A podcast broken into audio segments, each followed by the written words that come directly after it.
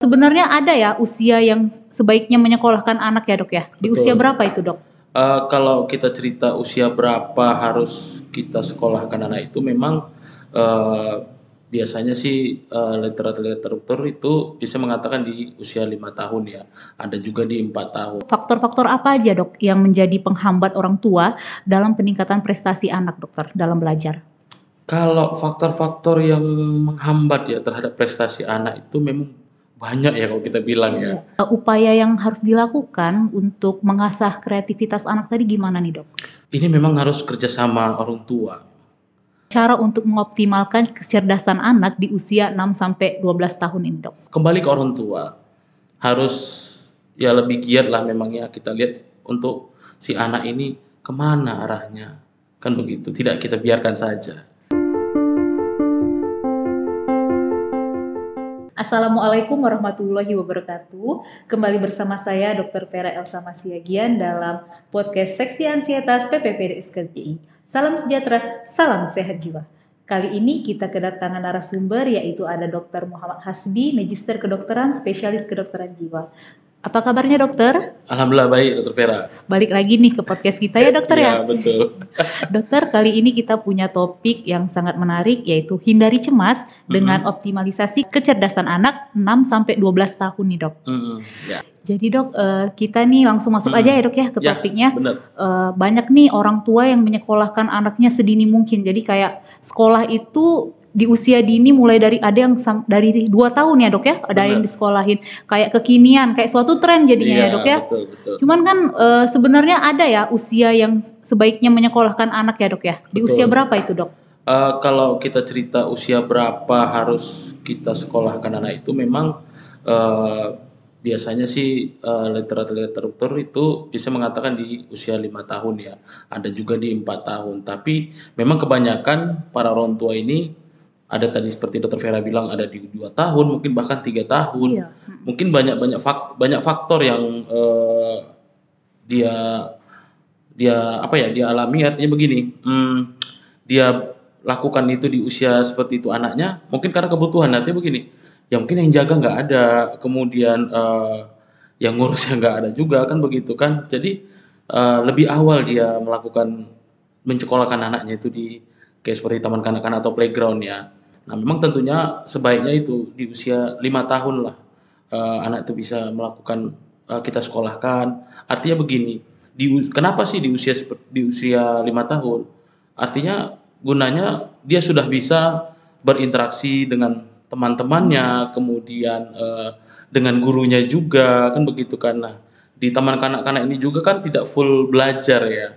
Cuman ada diselip-selipkan ataupun disisipkan hal-hal edukasi kemudian eh, pengajaran-pengajaran secara positif yang bisa diterima si anak tersebut Iya dokter ya. Memang usia idealnya di usia lima Iya. tahun ya dok. Cuman yang sering kita lihat nih belakangan eh, di sekolah yang sedini mungkin itu mereka sudah mulai ada berhitungnya, Betul. Ada membacanya. Sebenarnya kalau di usia seperti itu dok, ada nggak dampaknya kepada eh, kecemasan ataupun kecerdasan pada anak dokter? Eh, kalau cerita di usia Di usia yang sedini mungkin tadi, sedini mungkin iya ya. dokter. Memang sebenarnya kembali lagi kita mundur belakang. Artinya eh, kita lihat kelekatan jatuhnya ya, ke attachmentnya ke orang tua. Ketika si anak itu baik, bagus attachmentnya ke orang tua, ya kalau untuk tingkat kecemasan mungkin bisa kurang ya, arti rendah. Dengan eh, mempengaruhi kecerdasannya itu udah otomatis ya. Artinya begini, semakin misalnya si anak itu tingkat kecemasannya tinggi, ya otomatis untuk kecerdasannya jadi eh, tinggi. Artinya begini, eh, cemasnya mening- eh, meningkat, ya intelijensianya atau kecerdasannya jadi turun kan begitu kan. Akan tetapi kalau dia tidak cemas ya otomatis dia bisa menerima eh, pelajaran, jadi dia bisa intelijensinya terbentuk dengan baik begitu. Jadi berbanding terbalik ya dok ya Iya, antara ah. kecerdasan dan kecemasan ini Iya, tadi ya. betul. Eh, bagaimana nih dok? Tadi kan kita sempat bicara soal eh, mungkin ditinggal karena orang tuanya bekerja Hmm. tadi kan. Gimana nih dok kan kadang ada orang tua yang pergi bekerja kemudian anaknya ditinggal dengan ditinggal eh, di rumah atau di tempat sekolah. Kemudian anaknya tadi menjadi rewel dok. Nah rewelnya seorang anak ini eh, dengan tingkat kecerda- kecerdasan ini tadi bagaimana dok? Ah, itu tergantung jadi daya serap untuk si anak ya. Ketika eh, anak di se, diletakkan di sekolah dan kemudian dia rewel, otomatis ya segala pelajaran ataupun eh, apa namanya kayak edukatif yang diberikan, kemudian kayak eh, dia untuk berinteraksi dengan teman-teman juga ya jadi jadi tidak terbentuk itu. Jadi otomatis ya lebih eh, mengarah ke kecerdasannya jadi tidak terjadi gitu. Artinya eh, hal-hal yang memang dia dapat di sana itu ketika anak rewel ya nggak dapat sama sekali gitu. Seperti konsentrasinya terganggu ya, Betul, Dok, jadi ya? fokus juga tidak kan begitu kan. Nah, tapi ketika mungkin itu saya bilang tadi dia ditinggal orang tuanya rewel. Kembali lagi seperti saya bilang ke kelekatannya terhadap orang tua, attachmentnya kan itu ada beberapa ya tipe-tipe attachment ya seperti secure attachment, kemudian ada ambivalen, kemudian adanya eh, avoidant, kemudian eh, adanya tadi satu lagi eh, disorganized kan seperti itu.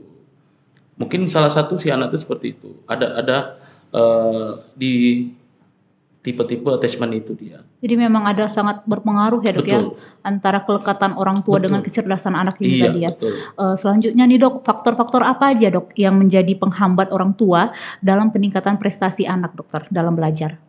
Kalau faktor-faktor yang menghambat ya terhadap prestasi anak itu memang banyak ya kalau kita bilang ya. Eh, apalagi di era digitalisasi sendiri ya kan. Eh, memang mengenai terhambatnya itu memang salah satunya gadget ya tentunya ya. Artinya kita tahu eh, banyak sekarang eh, pemberian gadget itu lebih dini malah diberikan ke si anak. Jadi untuk masalah fokus kemudian konsentrasi otomatis bisa berkurang kan gitu kan. Nah, jadi emosi, perilakunya, kemudian eh, apa namanya emosi, perilakunya kemudian jadi terganggu untuk itu. Nah, memang salah satunya itu saya bilang faktor-faktornya. Nah, jadi memang ya kalau bisa jangan dulu dikasih-kasih Gadget tadi ya gadget ya. tadi kan Oh, gitu kan. Jadi memang jadi terhambat untuk masalah untuk eh, Fokusnya, tadi fokusnya ya dokter ya. otomatis kan jadi terganggu. Iya benar dokter. Mm-mm. Kalau tadi kita bicara soal penghambatnya, ini sekarang kita mau nanya nih dok, eh, upaya yang harus dilakukan untuk mengasah kreativitas anak tadi gimana nih dok? upaya untuk mengasah eh, kreativitas anak ya. mm. Ini memang harus kerjasama orang tua. Apalagi si anak ini kan nggak bisa nih, udah belajar sana gitu, nggak bisa ya kan. Tentunya kita harus eh, merangkul, kemudian kita arahkan, kemudian kita beritahu tentunya kan gitu kan. Eh, jadi di saat si anak itu ada masalah ataupun trouble di eh, dalam pelajaran, dia bisa tahu nanya ke mana begitu kan. Jadi orang tua lah yang mengarahkan. Memang tentunya orang tua dulu kita beritahu. Jadi supaya eh, apabila anak tadi eh, timbul suatu pertanyaan, dia tahu ke mana arahnya kan begitu kan. Nah jadi kalau orang tua tadi eh, bagus hubungannya, kemudian ke si anak juga bagus. Nah begitu juga sebaliknya hubungan si anak ke orang tua bagus, ya nggak dipungkiri kan. Jadi terbinalah itu tadi.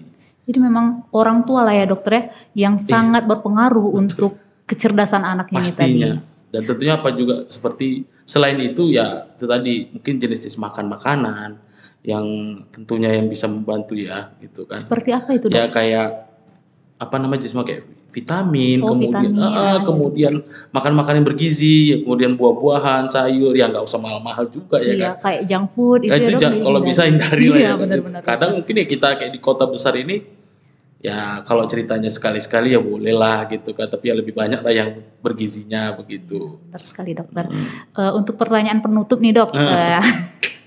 Selesai nih. Iya. gimana nih dok eh, cara untuk mengoptimalkan kecerdasan anak di usia 6 sampai 12 tahun ini dok? Iya, eh, mengoptimalkan lega tadi ya di usia 6-12 tahun ini memang kalau secara perkembangan ini kan eh, industrial ya, artinya produktif si anak. Artinya eh, di sini dia berkarya di situ, artinya mengembangkan eh, dia ini ke mana nanti arahnya. Artinya dia harus tahu dia itu eh, aku ke mana nih, maksudnya kecenderung ke mana gitu. Apakah dia lebih ke secara motorik atau lebih ke mungkin visualnya baik, kemudian uh, pendengarannya bagus. Artinya jadi dia lebih bisa kita gali untuk itu. Jadi orang tua, para orang tua harus paham juga terhadap anak karena begini, selesai dia setelah dia di usia 12 tahun kita katakan kalau sekarang tuh mungkin kelas 6 SD ya. Ya kan gitu di 12 tahun. 12 tahun, Ah, ya.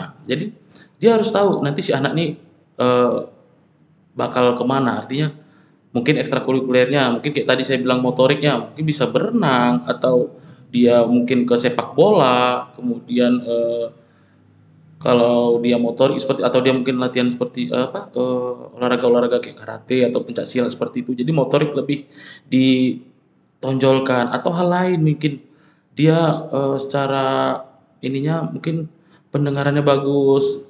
Kemudian artinya begini dia lebih senang dengar gitu kan. Mungkin mungkin latihan apa eh, musik gitu ya. Musik. Ah, jadi nah, nah yang seperti seperti itulah kita harus lihat. Nah kalau kita sudah tahu nah di situ kita kembangkan nah harapannya memang ya semua orang juga eh, agar si anak mengikuti kemauan orang tua. Cuman jadi kebanyakan juga kadang ada juga yang tidak mau ya. Tapi itu pelan-pelan. Memang kita kembali ke orang tua. Harus ya lebih giat lah memangnya kita lihat untuk si anak ini ke mana arahnya. Kan begitu. Tidak kita biarkan saja. Jadi Saya memang orang tua hubungannya dengan anak itu harus sangat dekat ya dokter ya. harus Harus ya Ah, untuk karena akan berpengaruh pada kecerdasannya itu juga. ya, sudah dokter, pasti ya. ya kan begitu kan Hmm. saya rasa sih seperti itu Ya, terima kasih dokter. ya sama-sama Demikianlah podcast kita kali ini. Sampai berjumpa di podcast selanjutnya. Eh, buat teman-teman di rumah nih yang ingin konsultasi atau bertemu langsung dengan Dokter Hasbi, di mana ya dok? Ya, eh, kalau teman-teman di rumah ataupun di mana saja berada, kalau pengen konsultasi bisa temui saya di klinik Tama Binatma di Jalan Hosokro Winoto. Mungkin bisa juga eh, BDM by IG di Muhammad Asbi MD. Nah, itu dia teman-teman yang ingin konsultasi langsung bersama Dokter Hasbi. Baiklah, eh, tiada kesehatan tanpa kesehatan jiwa. Salam sejahtera, salam sehat jiwa. Assalamualaikum warahmatullahi wabarakatuh.